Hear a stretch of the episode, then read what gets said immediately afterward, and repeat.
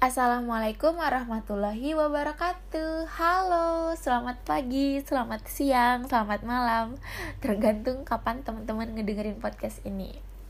Nah, udah lama banget nih aku enggak ngisi podcast. Hari ini aku bakalan nemenin teman-teman semua di podcast kali ini. Dan sebelumnya aku mau nanya nih kabar teman-teman semua. Gimana nih kabar teman-teman yang ada di rumah? Semoga selalu dalam keadaan sehat dan tetap harus sehat ya guys.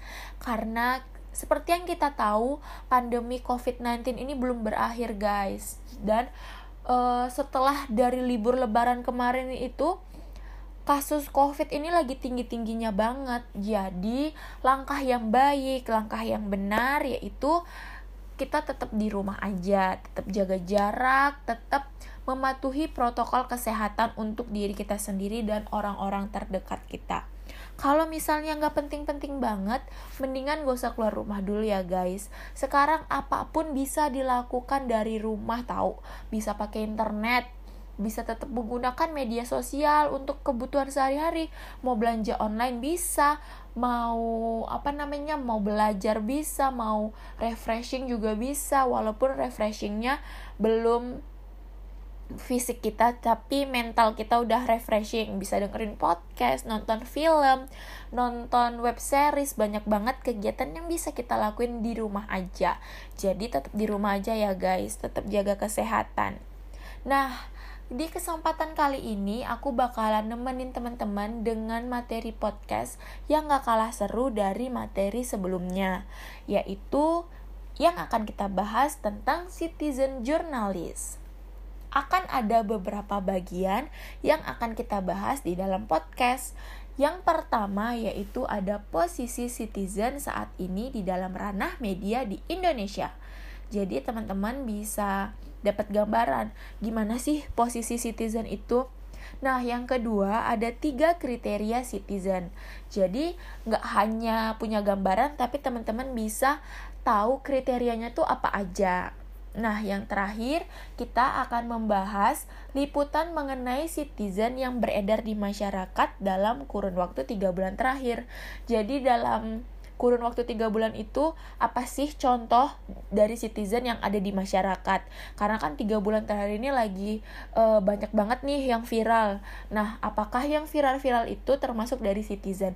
Akan kita bahas di podcast kita kali ini.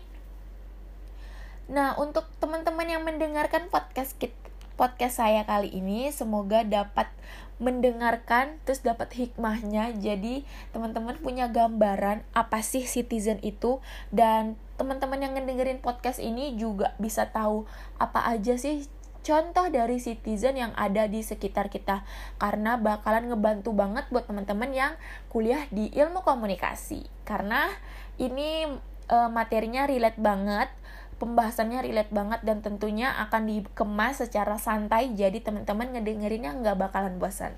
So, tanpa berlama-lama lagi langsung aja kita masuk ke materinya. Oke, yang akan pertama kita bahas yaitu posisi citizen journalist saat ini di dalam ranah media sosial di Indonesia citizen atau jurnalisme warga merupakan salah satu sentral yang terdapat di dalam perjalanan jurnalisme di Indonesia.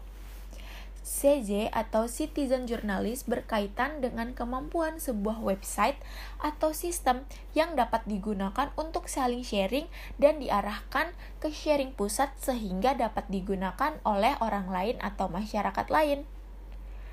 Nah, dalam hal ini terdapat sebuah media morfosis.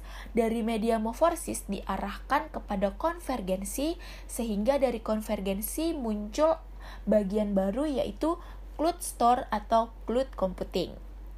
Cloud computing merupakan salah satu sistem yang memiliki storage mereka sendiri sehingga bermanfaat atau digunakan untuk menyimpan data-data yang mereka miliki.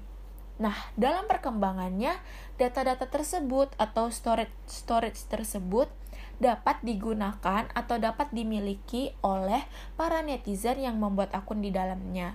Sehingga para netizen yang membuat akun dapat memanfaatkan, dapat menggunakan, dapat memiliki akun-akun yang telah mereka simpan tadi di dalam cloud computing. Nah, dengan kemunculan cloud computing tadi, banyak dari masyarakat yang mulai merasakan hmm, jenuh, jengah dengan berita-berita yang beredar di lingkungan mereka atau yang beredar di lingkungan masyarakat. Jadi, dari orang-orang tersebut yang berada di dalam suatu cloud computing mengguncang dunia kejurnalistikan dengan memantulkan gelombang baru. Nah, teman-teman ada yang tahu nggak sih gelombang baru itu apa? Gelombang baru merupakan salah satu atau sebuah tren di dalam masyarakat yang mana di dalamnya semua orang dapat menjadi seorang wartawan. Jadi enggak nggak terpatok gitu loh untuk jadi seorang wartawan tetapi dengan munculnya gelombang baru ini semua orang semua masyarakat dapat menjadi seorang wartawan oke sekarang kita masuk ke bagian yang selanjutnya yaitu kemunculan citizen pada saat era painting press di mana di dalam era ini media masih menggunakan teknik printing seperti koran, majalah, pamflet, dan juga brosur. Oke, pada tahun 80-an, kemunculannya diawali dari sekumpulan fans yang berkumpul dan membuat liputan tentang band yang mereka suka. Jadi pada tahun 80 itu masih uh, ini masih happening banget tentang band-band yang band-band yang banyak banget munculnya. Jadi, dapat diibaratkan setiap band yang akan melakukan konser, nah fans-fansnya itu akan datang dan secara tidak sadar mereka tuh sebelumnya membagikan brosur ke ke orang lain, ke halayak lain, ke masyarakat lain tentang band tersebut. Jadi brosur yang dibagikan adalah brosur yang berisikan tentang band yang akan mereka nonton konsernya. Gitu gampangnya. Dan Fans-fans tersebut secara spontan pada saat mereka menonton konser tersebut dengan kesadaran diri mereka, mereka membuat liputan yang berkaitan dengan band favorit mereka tersebut. Kan tadi dikatakan brosur ya guys. Nah, brosur merupakan salah satu hal yang digunakan pada fans-fans mereka ini pada tahun 80-an. Nah, pada saat pada saat ini, pada saat tahun 80-an, genre musik itu uh, sangat berkaitan atau belum belum sama sekali dilirik oleh media. Jadi pergerakan dari uh, pergerakan dari genre musik ini masih di situ-situ aja atau bisa dikatakan masih begitu lamban ya guys. Jadi uh, pergerakannya belum begitu signifikan karena media belum tertarik untuk meliput band-band pada tahun 80-an tersebut. Juga uh, dikatakan bahwa fans-fans tadi tuh kan membagikan brosur tentang band favorit mereka. Nah, di dalam brosur tersebut juga ada isinya, guys. Jadi, uh, isinya tersebut sangat beragam, sangat bermacam-macam, tidak hanya tentang liputan tentang konser ber konser band tersebut, tetapi juga membahas tentang nama personil dari anggota band tersebut. Terus ada isinya album apa aja yang udah dibuat atau yang udah ada dari band tersebut dan juga berisikan lirik-lirik lagu dari band tersebut. Jadi isinya cukup variatif, cukup beragam. Jadi uh, istilahnya dapat memberikan infor sedikit informasi kepada masyarakat, kepada orang lain yang belum mengetahui tentang band tersebut. Jadi dengan adanya brosur tersebut sangat membantu perkembangan nama dari band tersebut. Nah, dari kemunculan jurnalis terdapat beberapa bentuk yang memiliki batasan, seperti informasi hanya dapat dibagikan kepada segelintir orang dan ada proses produksi yang di mana proses produksi ini e, terdapat di dalamnya yaitu seperti printing dan penulisan yang membutuhkan waktu tidak sebentar. Biasanya proses dari printing, menulis membutuhkan waktu yang cukup lama. Tidak hanya dari proses, juga ada yang berkaitan dengan dana atau dengan uh, material gitu ya. Dana yang digunakan, material yang digunakan tentunya tidak sedikit dan cukup besar dan cukup banyak.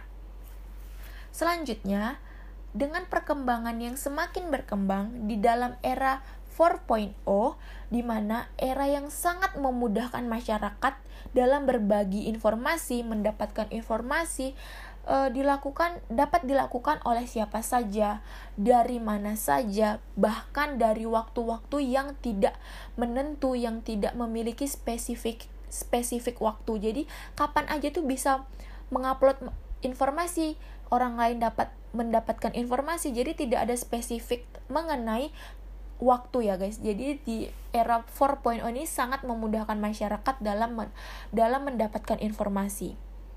Nah, dengan masyarakat yang menggunakan dengan banyaknya masyarakat yang menggunakan media sosial um, jadi lebih mudah gitu guys. Jadi lebih mudah dalam mendapatkan apa yang mereka butuhkan, apa yang mereka cari gitu dan juga semakin cepat ya guys perkembangannya. Jadi nggak butuh waktu lama untuk kita mendapatkan informasi dari Instagram. Banyak banget platformnya yang bisa kita akses untuk mendapatkan informasi yaitu seperti Instagram, Twitter, TikTok. Bahkan uh, sekarang banyak banget eh, website-website dari dari media cetak terus beralih ke juga punya website gitu. Jadi beritanya tuh tetap bisa diakses walaupun di internet gitu guys. Jadi sangat mustahil ya kalau misalnya di perkembangan 4.0 ini masyarakat masih sangat masih sangat mustahil uh, sangat mustahil gitu kalau misalnya ada dari masyarakat yang nggak tahu. Maksudnya istilahnya aduh aku nggak tahu berita ini. Padahal di era 4.0 ini sangat mudah mendapatkan informasi sangat mudah mendapatkan hal-hal yang kita nggak tahu di dunia nyata. Jadi bisa kita akses di internet tersebut. Jadi di zaman sekarang ini sangat mudah banget sangat gampang banget untuk mengaksesnya. Jadi buat teman-teman apa operasikanlah media sosial di era 4.0 ini dengan semaksimal mungkin. Gitu guys. Kita akan lanjut ke materi yang selanjutnya Oke teman-teman, tadi kita udah ngebahas tentang posisi citizen jurnalis di media di Indonesia. Nah, sekarang yang akan kita bahas yaitu tiga kriteria citizen jurnalis. Yang pertama, seseorang harus seorang individu harus memiliki atau harus mengetahui hal-hal yang menarik. Jadi, dari hal-hal yang menarik yang kita ketahui itu dapat dapat disebar atau diberikan kepada publik masyarakat ataupun audiens. Jadi sehingga uh, isinya itu lebih informatif. Dan kalau misalnya dia banyak mengetahui tentang hal-hal menarik itu akan uh, membuat publik juga menjadi ikut tertarik dengan berita yang ia kemas jadi, pada saat dia di lapangan, dia tidak mengalami kebingungan dengan hal-hal yang ada di sekitarnya. Nah, yang kedua, individu yang selalu ingin tahu. Jadi, dengan kita memiliki rasa keingintahuan yang tinggi, akan membuat seorang jurnalis terlatih untuk melakukan suatu hal secara mendalam. Jadi lebih menggali lagi, menggali data, menggali fakta, menggali informasi yang nantinya akan diolah menjadi sebuah berita. Jadi kalau misalnya dia sangat-sangat menggali informasi secara mendalam, tentunya isi beritanya akan sangat menarik untuk disebarluaskan kepada masyarakat dan akan hasilnya tuh akan lebih akurat gitu. Jadi enggak nggak main-main hasilnya, nggak main-main isinya karena sudah dilakukan secara mendalam. Nah, yang terakhir yaitu masih memiliki keterkait keeratan berkaitan dengan syarat yang kedua, yaitu seorang citizen jurnalis harus memiliki kemampuan observasi yang baik. Dari pengamatan yang kuat, dari pengamatan yang baik, akan sangat membantu dalam menghasilkan berita yang lengkap jadi dalam berita itu akan hasilnya itu akan lebih lengkap, menarik, runtut dan tentunya rapi ya guys. Dengan dengan hal-hal tersebut nggak cukup aja guys, tetapi juga perlu mengaitkannya dengan 5W1H. Jadi dengan berita yang udah digali secara mendalam, dengan observasi yang sudah matang, mak sudah observasi yang matang dan sudah dikaitkan dengan 5W1H, maka berita yang dihasilkan oleh citizen ini akan semakin berbobot dan tentunya akan berbeda dengan berita yang lainnya. Gimana teman-teman sejauh ini materi atau pemaparannya ngebosenin nggak? Semoga enggak ya. Dan semoga teman-teman masih ngedengerin sampai di menit ini. Nah, kita sudah masuk ke tahapan yang terakhir atau ke bagian yang terakhir yaitu liputan citizen yang ber beredar di masyarakat dalam kurun waktu 3 bulan terakhir. Nah, yang lagi beredar banget nih di dalam masyarakat dalam kurun waktu 3 bulan terakhir itu pasti teman-teman pada tahu. BTS BTS X McD BTS meal X McD wah itu happening banget ya guys di Indonesia. Semua McDonald yang ada di Indonesia bener-bener rame banget. Karena ya seperti kita tahu di Indonesia itu sangat-sangat suka sangat-sangat berkaitan dengan uh, K-pop ya, terlebih lagi BTS. BTS itu udah menjamur ke seluruh masyarakat yang ada di Indonesia. Jadi pasti rame banget tuh kemarin. Nah, di salah satu kota yaitu kota Batam, ojol yang ada di yang ada di Batam tuh bener-bener rame banget, bener-bener menuhin McD untuk untuk ngedapetin BTS itu karena banyak banget guys orderannya. Jadi bener-bener rame banget sampai para ojolnya itu bener-bener ngantri banget. Di videonya yang beredar di kota Batam itu tuh bener-bener rame banget guys. Bener-bener semuanya rata warnanya hijau karena rata-rata kan warnanya tuh hijau ya. Jadi bener rata banget guys. Warnanya tuh bener-bener hijau hijau hijau semua. Karena saking ramenya saking ngantrinya itu happening banget sih guys. Nah yang tadi yang udah aku jelasin itu adalah salah satu uh, contoh atau salah satu liputan citizen yang beredar di masyarakat dalam kurun waktu tiga bulan terakhir. Nah, aku bakalan uh, nutup podcast kali ini karena udah berada di akhir podcast nih. Gimana teman-teman semua? Semoga teman-teman semua yang dengerin podcast ini sangat-sangat mendapatkan informasi, sangat-sangat mendapatkan gambaran dan membantu teman-teman semua yang sedang kebingungan mengenai citizen jurnalis. Aku minta maaf banget kalau misalnya masih ada kata-kata yang berlibat atau masih ada yang bingung semoga ini membantu teman-teman semua. Uh, akhir kata aku mau ngucapin juga terima kasih kepada Mas Jaduk selaku dosen pengampu mata kuliah jurnalisme online. Semoga kita dapat ketemu lagi Mas Jaduk di uh, kuliah offline. Semoga secepatnya bisa bertemu dan terima kasih kepada teman-teman yang sudah mendengarkan sampai di akhir menit video uh, podcast kali ini. Aku Anjar Sari Putri Pramesti.